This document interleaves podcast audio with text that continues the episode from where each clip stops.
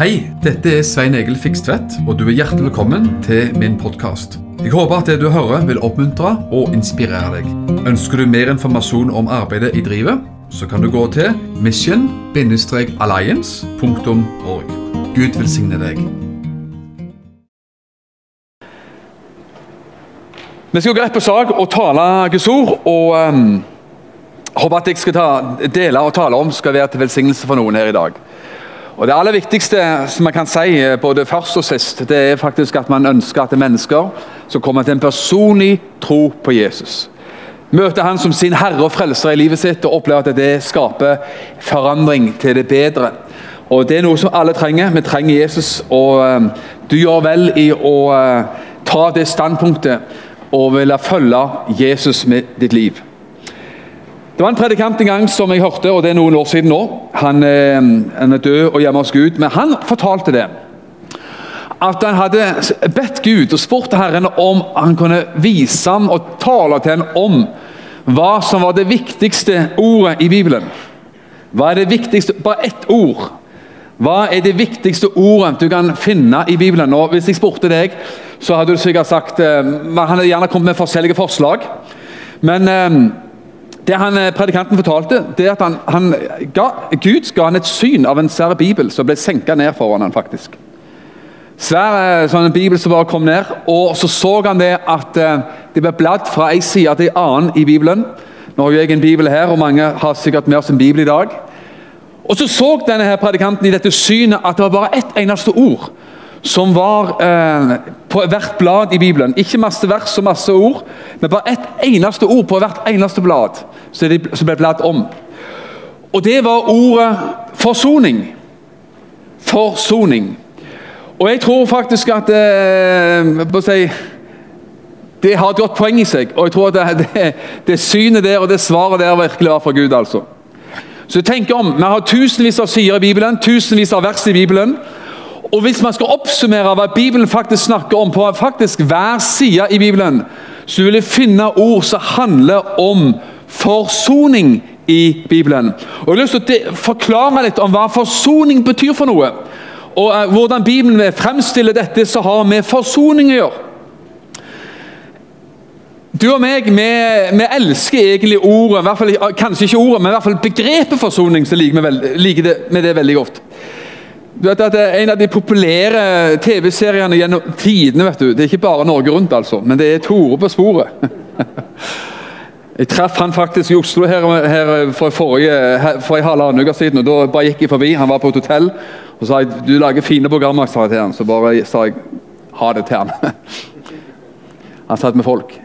Men det er, det er noe, Når vi ser de programmene der, eksempel, at det, mennesker som halvsøsken som gjerne har vokst opp på hver sin side av jordkloden eh, etter mange år og etter mye strev og mye finner hverandre. Eller et barn som finner sin far som de aldri hadde kontakt med før osv. Så, videre.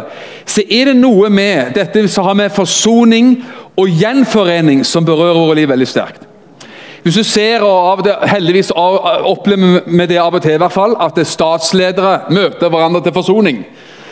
Av det tider der det, det, det motsatte skjer. og Vi har jo alle sammen blitt rusta av det som man har sett fra Afghanistan og andre steder. Men når man ser nasjoner eller statsledere virkelig inngå fredsavtaler, tar hverandre i hendene og virkelig mener alvor med fred, så er det jo noe som berører oss som vekker oppsikt, og som gjerne kvalifiserer til Nobels fredspris osv. Når eventuelt ektefeller som er fra hverandre i et stykke tid, eller kanskje lang, lengre tid, klarer å finne tilbake igjen til hverandre, og finne tilbake igjen til kjærligheten eller uvenner som bare har vært fra hverandre i lange tider. Man klarer å få til en form for gjenforening og forsoning. Så er jo det noe som virkelig eh, berører våre liv, og som gjør at man liksom sperrer øynene opp og syns det er ja, alt fra romantisk til at det er vakkert og søtt og, og gripende i det minste. Og Bibelen har utrolig mye å si om dette med forsoning. og Er det noe jeg skulle ønske for hver eneste en av oss her i dag, det er at ikke en eneste person skulle gå ut herfra uten å være reelt, personlig forsont med Gud. Forlikt med Gud. Inngå det man kan kalle et forlik med Gud. La meg lese noen vers fra, fra, fra, Bibelen om akkurat disse tingene. her. For Jeg har lyst til å gi deg denne her røde tråden her i kveld, og samtidig prøve å forklare hva, hva forsoning innebærer. Jeremia, Profeten Jeremia, vers, eh, kapittel 3, vers 19, sier spesielt i den siste, siste linja, men vi skal lese hele verset uansett. Jeremia 3, 19, Det er Gud som taler. Hvor høyt jeg ville sette deg blant sønner. Jeg vil gi deg et fagert land den herligste arv blant folkene. Det er Gud som taler til sitt folk, Israels folk. og De var jo eh, de var ikke helt i, liksom, i slaget når det gjaldt åndelighet på den tida. De hadde, mange hadde forlatt eh, liksom, troens vei med Gud. Og så ser du at Gud taler gjennom profeten og sier at jeg skulle ønske og ville ønske noe godt for deg. Jeg ville gi deg et fagert land, den herligste arv blant folkene, sier han. Og så sier han det som er eh, så, så sterkt her i dag så tenkte jeg altså det er Gud som taler, så tenkte jeg dere ville kalle meg far, og aldri vende dere bort fra meg. Det var det Gud sa. Jeg tenkte, sa Gud. Jeg hadde liksom tenkt det sånn. At dere skulle kalle meg for far, sa han. Det er en annen oversettelse som sier det litt enda mer inderlig. Jeg skulle ønske dere ville kalle meg for far. Det er Gud som sier det til oss i kveld. Jeg skulle ønske at du ville kalle meg for far. At du ville titulere meg for far. Jeg har to barn, to voksne barn. Sara og Erik heter de. Og Der kan man ha forskjellig kultur vet du, fra hjem til hjem. Men jeg personlig ville ikke mislikt hvis de kalte meg for Svein Egil. Du kan kalle meg for Svein Egil.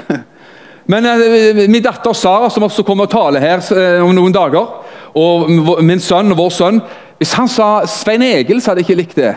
Men han kaller meg for far. Det er bedre. Det er mer familiært, det er mer nært, det er mer intimt. Det passer mer for, for uh, de å gjøre det. Skal jeg fortelle deg en historie fra jeg tipper det er fire år siden. Jeg var i Uganda. Og Der uh, har prekt i forskjellige menigheter der, og spesielt den hovedmenigheten og de folka som jeg har mest kontakt med der. En fin menighet i hovedstaden i Uganda. Og, og så var det ei tenåringsjente der som uh, så vinkte meg, ville snakke med meg alene. Vinkte meg liksom litt avsides. Og så kommer vi et litt av et spørsmål vel, faktisk, som slo meg nesten litt ut. Så spurte hun høytidelig kan jeg få lov til å kalle deg far. sa hun. Kan jeg få lov til å kalle deg far? Og Det var jo selvfølgelig både et kompliment, det var, vi kan kalle det, det var smiskende og smigrende og alt det der. Og Det var det jo. Men det var faktisk noe mer enn det. Det var rørende, men verre enn det. Det var faktisk litt hjerteskjærende å få det spørsmålet. Selv om det var hyggelig, så var det samtidig hjerteskjærende å få det spørsmålet fra henne. Fordi hun hadde vokst opp, som veldig mange gjør i mange land, uten en far. Så fant du meg fra et annet land til og med og greier og spurte. Og jeg tenkte, skal jeg være ærlig og si, tenkte, så tenkte jeg også Spør hun fordi at du ønsker en slags månedlig støtte til utdannelsen sin. eller noe sånt. Hun har aldri noen gang spurt om det, aldri vært innom det i det hele tatt. Og Jeg bare sender mail til henne en gang, to-tre ganger i halvåret og spør og sier hei og hå, hvordan det går med deg, og oppmuntrer henne i Gud. og sånn. Ikke noe mer enn det. Men sannheten i den kulturen der, og det har mange av oss sett, det er at det, det er en ukultur blant mange mennesker. det er at det, Fedrene, mennene i kulturen, de har seg ei dame et år og to og får barn med henne, et par, et par, en eller to barn med henne. Så flytter han på seg og finner en ny dame, og så er det samme rutine. Man er sammen en kort tid, får et par barn, en, en barn og to der også. Så går man fra forhold til forhold. Og så sitter da altså en del kvinner igjen, mange kvinner igjen med en liten barneflokk til slutt, og kanskje stor barneflokk, på et fortau og skal prøve å få endene til å møtes. Og de har selv gjerne hatt en haug med forskjellige eh, relasjoner med menn. Og de sitter igjen med én ting, egentlig. De, de sitter igjen med barneflokk og fattigdom og forlatthet i livet sitt. Og det er en tragedie. Og denne Jenta her, hadde antagelig opplevd noe av det samme. Hun har i hvert fall vokst opp uten far. Og spør om noe som var et sånn et tomrom og sånn et behov i hennes liv. Kan jeg få lov til å kalle deg far? Det som er så fantastisk med oss, det er at vi kan få lov til å kalle Gud for far. Og Det fins et rop i hvert eneste en av oss, egentlig, hvis man kjenner etter. Et, et ønske om å bli forsont med Gud. Et ønske om å få lov til å ha en Gud som ikke bare kaller vår Gud, men som vi kan få lov til å kalle far. Og som vi kan få lov til å kalle vår far og fader vår, for den saks skyld. Og Igjen og igjen så ser vi nettopp dette begrepet og innholdet i dette begrepet i Bibelen. Det som kalles for forsoning. At det finnes en Gud. At det ikke bare i mitt liv at jeg ønsker å ha Gud som far. Men enda bedre er at han der oppe ønsker at jeg skal kalle ham til far. Han vil at du og meg skal titulere ham, ikke bare som Gud, selv om han er Gud, men han vil at vi skal kalle ham for far. Og han lengter etter hver eneste en av oss. La meg lese noen mer sånne forsoningsvers med deg videre her. sånn. Og Dette verset fra Jesajas 1, 18 er liksom eh, vers som er så nydelige, som er så fantastiske, og som er så midt i kjernen av det vi preker om her på disse teltmøtene. Og som er midt i kjernen av hva som er kjernen i Bibelens budskap. For som sagt, her er det tusenvis av vers, ja, tusenvis av sider. Liksom, hvor, hvor i all verden skal man begynne i denne digre, svære boka her? Det er et kjerneord, og det er en rød tråd i denne nydelige boka, her, og det er ordet forsoning. Og Jesajas 1,18 sier Kom nå, sier Gud, og la oss gjøre opp vår sak, sier Herren. Tenk at Gud sier til folk Du, kom, og la oss skvære opp, for, sagt, for å si det på min måte. Svein Egils oversettelse. Kom, sier Gud, la oss skvære opp med hverandre. Ja, men Gud har ikke gjort noe galt. Nei, han har faktisk ikke det. Men han ønsker en, en real, om du vil, alvorsprat med du og meg. Og han ønsker en forsoningsprat med du og meg. Og han tilbyr oss til å komme inn i hans nådige og åpne favn. Kom, la oss gå i rette med hverandre og gjøre opp vår sak, sier Herren. Om deres synder er som skarlagen, så skal de bli hvite som snø. Om de er røde som purpur, og du skjønner at det er litt billedspråk her, så skal de bli hvite som ull. Uansett din og min bakgrunn, om du føler at det er din bakgrunn det, liksom det du har fått med deg i bagasjen, er litt blanda, og, og har, du har fått noen bulker i livet, så er det nådig for Gud i dag så er det forson, tilbud om forsoning i dag. Så er det en Gud som har åpne armer til deg og meg i dag, for at vi kan få rette opp de ting, og få gjøre opp med de ting som har gått galt i livet. Og framfor alt få nåde og tilgivelse hos Gud, vår far, og Gud, vår skaper. Kanskje et mer kjent vers fra Nye testamentet. Matteus 11, 28. Det er jo veldig kjent vers. Og det er Jesus som sier dette, og Jesus går akkurat i samme spor som vi finner i Gammeltestamentet. Jesus sa, 'Kom til meg, alle dere som strever og bærer tunge byrder.' 'Og jeg vil gi dere hvile', sier han. Er det brukbart? Går det an? Det er en grei deal. Kom til meg, sier Jesus, og jeg skal gi dere hvile. I dag og Disse andre dagene så er det sånn at det der, Gud har et tilbud. Gud har utdrakte armer, og han sier 'Jeg vil gi deg, deg, hvile'. Du som strever, du som har tunge byrder, du som har opplevd at livet har vært godt eller vanskelig, eller noe midt imellom. Gud tilgir oss og tilbyr oss et bedre liv. Og Bibelens aller siste blader det er jo Johannes' åpenbaring. Og Når du hører Johannes' åpenbaring, så kan du tenke mye liksom, røft og berskt og traumatisk og alt mulig. altså. Men så skal du få virkelig sånn en nydelig eh, avslutningsord fra Bibelens siste blader. Johannes' åpenbaring 21, vers 6. Og Der står det Den som tørster, vil jeg gi av kilden med livets vann, uten betaling. Det er gratis. Du kan få det helt gratis uten noen sånn eh, liten skrift så du må så, så forplikte deg alt mulig mellom himmel og jord. Men hvis du tørster og lengter etter å oppleve Gud, oppleve fred med Gud, oppleve å bli tilgitt en synd, oppleve en ny start i livet, så kan du få lov til å motta det. Alt er kjøpt, alt er betalt, alt er gjort ferdig. Ikke av du og meg, men Gud sier bare én ting til slutt. Hvis du vil ha det, hvis du tørster, hvis du er, kjenner at du, det, det, er noe som Ditt hjerte er som en tørr svamp som bare vil suge til seg eh, masse vann. Ja, da er dette for deg her i kveld. Vi snakker om forsoning her i dag. og Forsoning det er som sagt forsoning mellom mennesker og eh, familiemedlemmer og ektefeller og alt mulig er jo alltid sterkt og gripende og noe vi eh, veldig lett feirer og syns veldig godt om. Men den viktigste forsoning som finnes, det er den som Gud har fiksa for deg og meg. Og Det ble fiksa på Golgata kors. Det midterste korset. Denne talerstolen den har et sånne symbol av et kors her foran. Så Se for deg det korset der Jesus henger og tar din og min synd på seg. Din og min, dine og mine feilgrep. Din og min forbannelse. Din og min, din og min skam. Din og min forbannelse. Alt sammen tok Gud for 2000 år siden og lessa av deg og spikra det på Jesus da han hang på korset.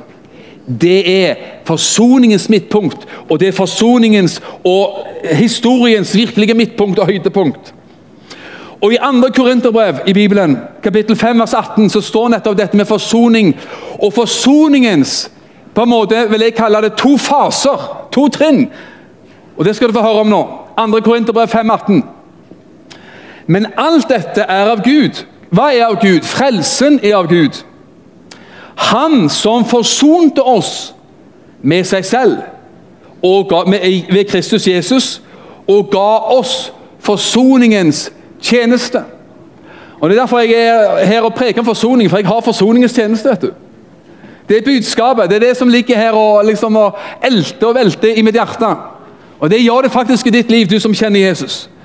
Hvis du tenker på hva du verker mest for og begjærer mest og lengter mest etter, det er at de menneskene som du kjenner som ikke er forsont med Gud ennå, skal bli forsont med Gud.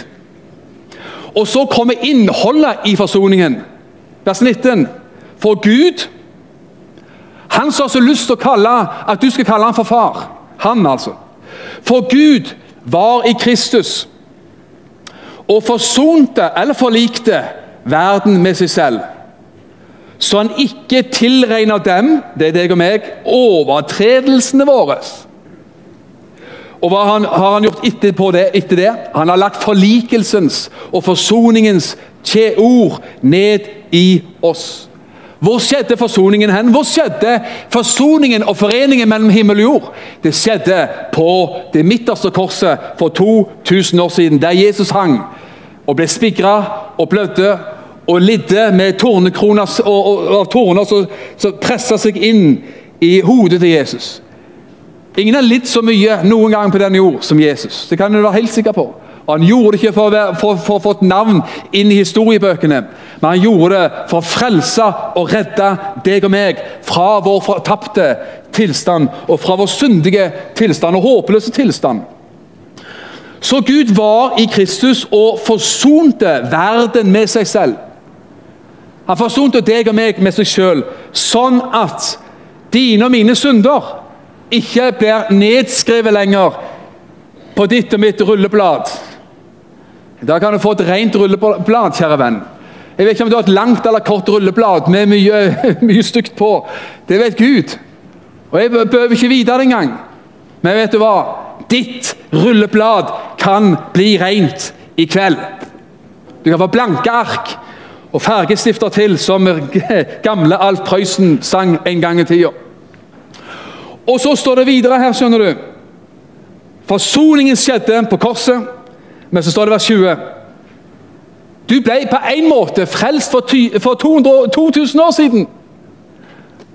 Men det er bare trinn 1. Så står det vers 20, så står vi da i en sendetjeneste på Kristi vegne. Og det er det vi gjør i dag. Jeg er utsendt på Jesu vegne. Jeg taler i dag på vegne av himmelen. Jeg våger å si det så formodig. Jeg taler i dag på vegne av Gud og sier 'bli forsont med Gud'. Kan du se det? At eh, du ble forsont for 2000 år siden da Jesus døde på korset. Amen. Men det slår ikke til i ditt liv før du personlig blir forsont med Gud. Du ble forsont med Gud, men du må også bli forsont med Gud. Og Jeg håper at det finnes noen her i dag som nettopp skal bestemme seg for det. At du ser at frelsen ble kjøpt og betalt for 2000 år siden. Men dette er dagen, dette er datoen, 31. august 2021. der du får lov til å ta imot dette frelsens tilbud i livet. Jeg har lyst til å ta deg med i en historie i Bibelen som er så fantastisk. Som er kanskje litt røff, men han er eh, viktig likevel. Og Det er historien om kong David i Bibelen. Gamle testamentet. David var jo litt av en konge. En mektig konge, en bra konge på så mange mange måter. Men Bibelen sier noe. At det er en vakker dag, dog om den dagen var vakker, det kan gjerne diskuteres, så falt han i utroskap med en annen manns kone. Hun heter Batseba. Og skal ikke ta alle detaljer og alle sider, for da blir vi ikke ferdige her i dag. Men vet du, han falt i utroskap. Og så viste det seg etter noen tid at dama var blitt gravid. Og Hun sender jo bud opp til kongens slott og sier at jeg har blitt gravid etter vårt, etter vårt, vårt nattlige forhold. Og Da får kong David det veldig travelt. vet du. At Når ingen vet om synden, så, så kan man liksom bare tenke at tiden leker alle sår, og det går vel greit. Så sant ingen vet om det. Men så får han jo beskjed om at dama er gravid, og da får han jo litt hastverk. Og Da må han jo gjøre noe med denne mannen til Batseba. Først får han jo, har han et ønske om at Batseba og hennes mann som heter Urias, skal, skal eh, prøve å få det til sånn at det ser ut som det er han som har gjort henne gravid. Da er jo problemet løst, og da er liksom saken ut av verden. Problemet var at mannen til Batseba, Urias, han var i militæret. Så han var ute, ute i krig ute i strid og var jo ikke hjemme, eh, gubben. Og Da var det ikke så lett å få til det, så, så da var det vanskelig. Og eh, da, da, da tenker David at han må, en, han må dekke over sin store fadese. Og Da får han altså denne mannen til Batseba, Uria, som, som en soldat i hæren, til å sette han i den fremste krigslinja, i fronten i krigen, med den beregning at Urias dør i slaget og omkommer i krig. Og det skjer jo, for det det noe, det, de la opp til det veldig sterkt. Så Urias han, han omkom jo slaget. Og Da tenker kong David ja, nå er eh, problemet løst. I hvert fall. Nå kan jeg jo bare gifte meg med Batseba. Så tror folk at det, vi, hun har blitt gravid fordi at vi har gifter oss i full fart. Og så, og så, ser det så pent og pyntelig ut alt sammen. Men vet du hva, når, når eh, man, vi tror at vi har klart å fikse ting og dekke over våre tulleteder så er det jo sånn at Gud ser alle ting. Det er problemet, kanskje. Eller veldig godt. Og så sender Gud en profet, setter Nathan til, til David. Og Nathan han kommer med en, liksom en enkel og litt banal og trist historie til kong David. Og sier til kong David at du, konge, det er to personer i en by. Han ene var styrtrik. Han hadde så mye sauer og kuer og dyr. Han var storbonde. altså. Hadde så mye. Var, var stinn rik. Og I samme by så var det en mann som var det stikk motsatt. Han var så fattig. Han hadde bare én sau. Den andre hadde jo mengdevis. Men så var det en mann som bare hadde ett lite lam, faktisk. Og Så sier Don Nathan i denne historien at så fikk denne rike bonden, storbonden, besøk og måtte slakte dyr og lage til god mat og grille, grille en sau eller et lam og ha god fest. Og denne styrtrike, styrtrike bonden som har så mye dyr, han er, så, han er sånn en slask, altså. Så går han og tar og stjeler det ene lammet som denne fattige naboen har. Som bare har ett lam, som han pleier å stelle seg godt med og, og, og, og beskytte så godt han kan. Tar det røver det fra han, slakte det og, og lage mat og måltid ut av det.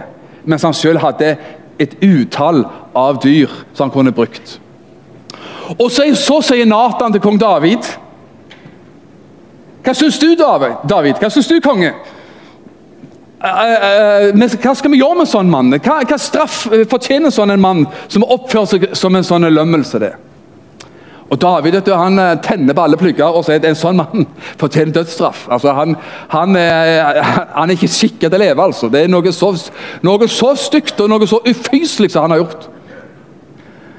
Og så sier jeg, nå, jeg, legger, jeg, må bare innrømme at jeg legger litt på å lage, eh, lage oversettelsen underveis. Men det stemmer med, overens med Guds ord.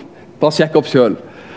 Men da sier jo eh, Nathan at du er David, det var bra sagt. Bra dom, bra, bra konklusjon. Jeg er faktisk ganske enig. Det er bare ett problem, sa han. Og det er at det, det er du som er den mannen. Det er du som er den mannen.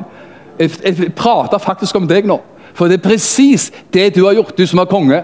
Så hadde alt mellom himmel og jord, så hadde alt du kunne peke på, som ikke kunne holde fingrene fra det, fra eh, Urias kone, Batseba, og som har stått stelt så dårlig i stand at du, fra å være det ene punktet det var utro, til neste punkt for å sende mannen hennes ut i krig så han dør. Det er liksom det du har gjort. Og da skjer det noe selvfølgelig i Davids liv. Når han skjønner at han ikke kan løpe fra Gud men sannheten innhenter han. innhenter han. Og vet du hva? Vi behøver at sannheten innhenter våre liv.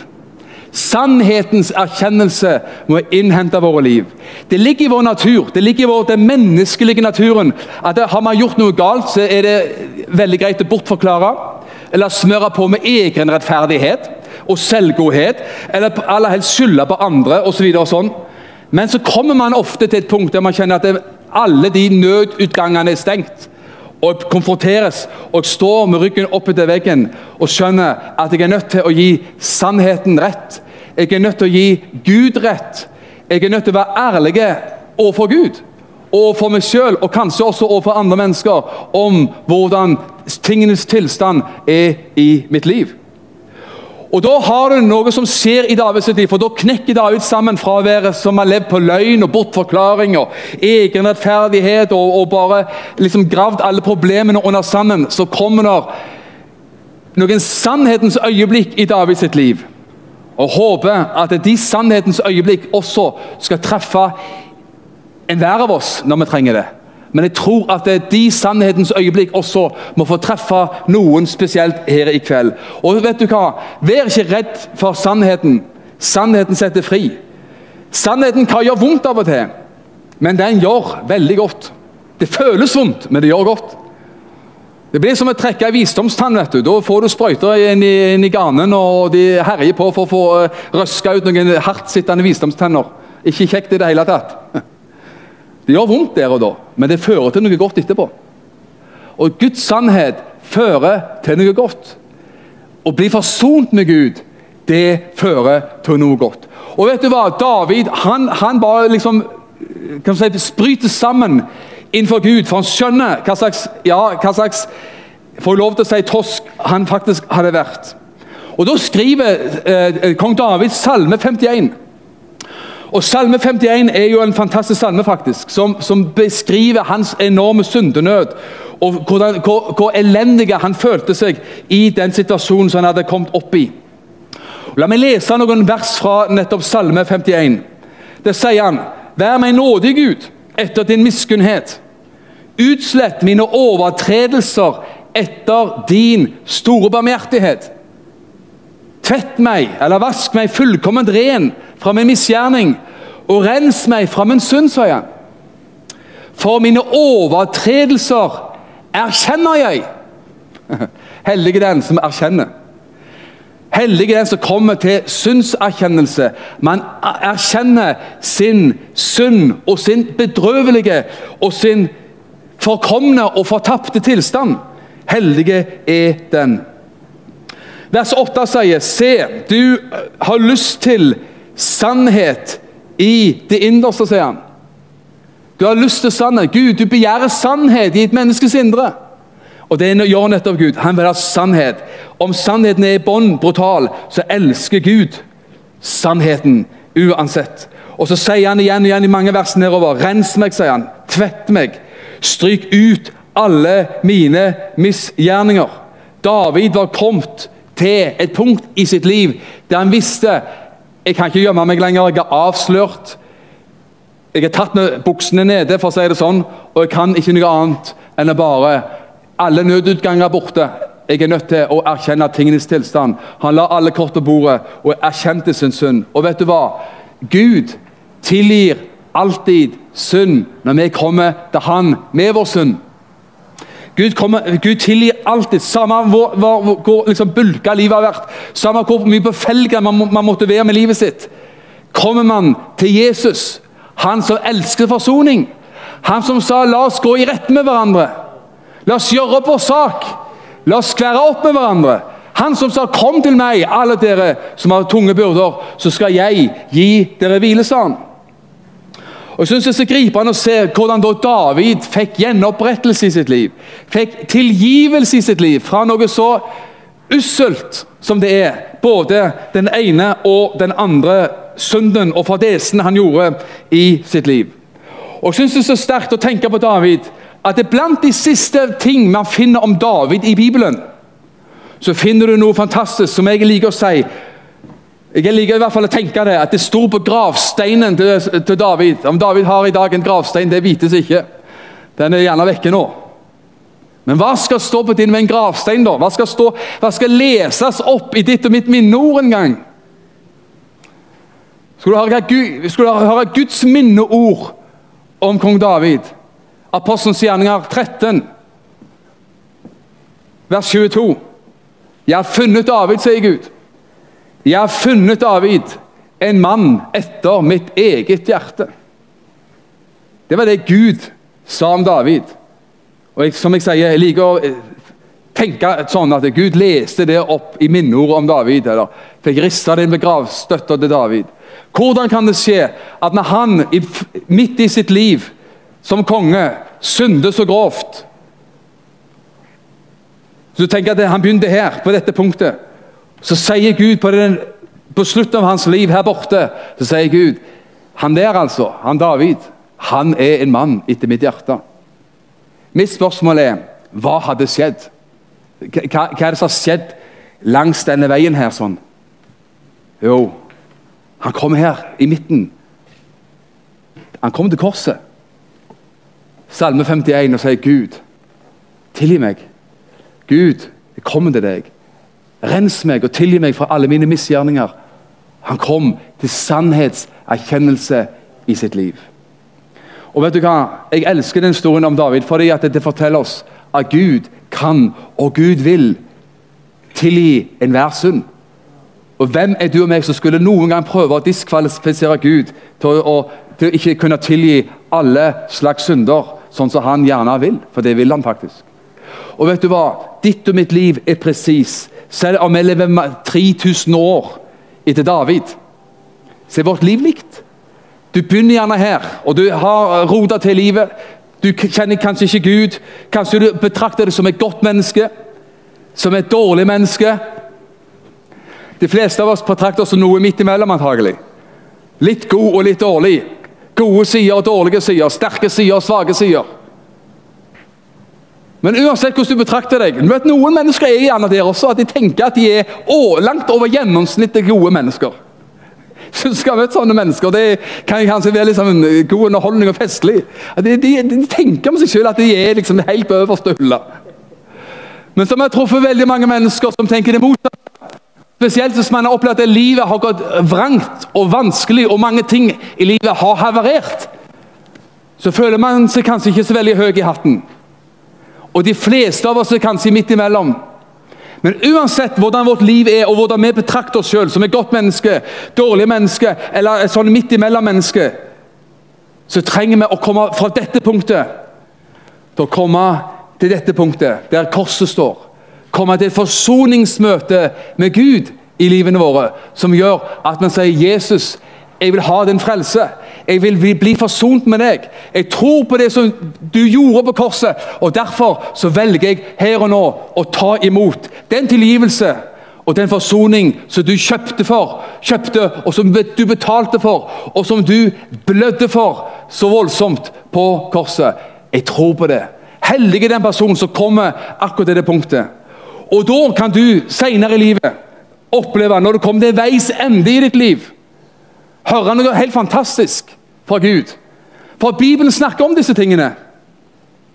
Og Hvis dette punktet her handler om veis ende, livets liksom, Når man kommer til endes i våre liv så sier Bibelen også både på, og godt og vondt om det vel, både Bibelen er ærlig på saken, og Bibelen sier at det jeg kan høre Vel gjort, du gode og tro tjener. Vel gjort! Du gjorde, du gjorde, godt, og du valgte rett på dette punktet her. Så vil jeg en dag Jeg er sikker på at jeg kommer til å høre det en dag. Der Jesus sjøl sier 'velkommen'. velkommen. Vel gjort, du gode og tro tjener. Kom inn i den himmelske gleden. Men vet du hva? Det fins også, dessverre om du vil, men det er faktisk sant. Det fins et annet alternativ. og Bibelen, Bibelen er ærlig, og Bibelen legner opp begge deler. For det står også et sted i Bibelen der det står Dra bort fra meg, for jeg kjenner dere ikke, dere som driver med lovløshet. Tenk på det. Gå bort. En dag må komme fram for Gud. En dag ved livets ende. Hva vil du meg høre? Vil du høre 'vel gjort' og 'velkommen inn'? Eller vil du høre Og det vil du neppe høre, du har ikke lyst til å høre det. Hvem er du? Jeg kjenner deg ikke. Du må gå et annet sted. Du må gå bort. Du må tilbringe evigheten et helt annet sted enn i, i Guds fantastiske himmel. Valget er vårt, men vet du hva? Valget avgjøres. Og hva vi vil høre på dette punktet i livet, er avgjøres av hva vi gjorde med korset. Hva vi gjorde med avgjørelsens øyeblikk. Hva vi gjorde med han som sa 'Jeg har så lyst til at du skal kalle meg far'. Titulere meg som far. Jeg har så lyst til at du skal komme til meg. Jeg har så lyst til at du skal bli personlig bli forsont med meg og få komme til himmelen. Til slutt så har jeg lyst til å bare si at eh, Tenk igjennom ditt valg. Og lytt til budskapet fra Gud i dag, der ordet går ut og sier 'bli forsont med Gud', 'bli forlikt med Gud', ta imot frelsens gave'.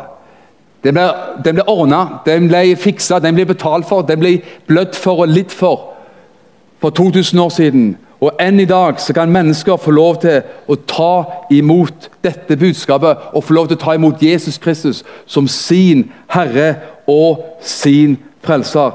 Det valget er ditt og mitt her i dag. Og Jeg er sikker på at det er svært mange her i dag har fått sin sak i orden med Gud, kjenner Gud, eh, sier at jeg er, en, jeg er en kristen, jeg er frelst. Men kanskje det finnes én eller to eller tre her i dag som har opplevd og, og som vet at det, det er ikke tilstand i mitt liv. Hvor mye jeg skulle ønske at nettopp denne kvelden skulle bli din kveld, der du enkelt, ja barnslig og ukomplisert sier 'Jesus, jeg vil ha deg i mitt liv'. Jeg skjønner ikke alt, og du behøver ikke skjønne alt. Men du trenger skjønne bare et par ting. Du trenger skjønne sannheten om deg sjøl. Sannheten om deg sjøl er at det, vi er fortapt uten Han. Det er sannheten. Vi er syndere som, som trenger tilgivelse og forsoning. Det er sannheten om oss sjøl. Og sannheten om Gud det er at han har fiksa vår frelse. Han har fiksa vår frelse. Skal vi be sammen? Herre, jeg bare ber deg om at de ord som er delt her i dag, Herre, skal bety en forandring. Om det fantes bare én person her i kveld som kjenner at eh, dette ordet må jeg ha tak i. Dette må jeg smake på, dette må jeg ta standpunkt til her i dag. Så vet jeg Herre, at mine ord her i dag ikke har vært forgjeves. Herre, så mye vi vet, du som sier 'kom til meg'. Jeg har så lyst til at du skal kalle meg far. At vi har fått lov til å komme inn i din familie. Herre, måtte noen her i dag få komme inn i den familien. Jeg ber om det i Jesu Kristi navn. Jeg har lyst til å si også her nå, du som har opplevd at livet nettopp har blitt rufsa til og bulka på forskjellig vis, ikke føl deg diskvalifisert til Guds rike, for det er du ikke. Jeg kjenner veldig sterkt her eh, eh, før møtet også, at noen sliter med en veldig sterk og vet ikke om det har med ufrelst å gjøre eller ikke, men noen som sliter med en veldig følelse av forlatthet. Du har opplevd sterke og grove svik i ditt liv, og du bærer denne følelsen av å være forlatt av å være svikta i livet. Jeg er helt sikker på at Jesus i hans godhet og i hans kjærlighet vil befri deg i dag. Så du kan oppleve at det er som om du skifter nesten kledning. Du har gått med mørke klær og mørke, liksom, mørke sorgens drakt i livet ditt. Og når du går ut herfra i kveld, så skal du få lov til å gå med det som Bibelen kaller for lovprisningsdrakt. Det er som du går inn i en garderobe og bytter om klær og kommer ut kledd opp til fest og kledd opp til noe lyst og fint. Det er det Gud har for deg her i kveld, i Jesu Kristi dyrebare navn. Takk for at du har lytta til denne podkasten. Jeg ønsker deg en velsigna god dag.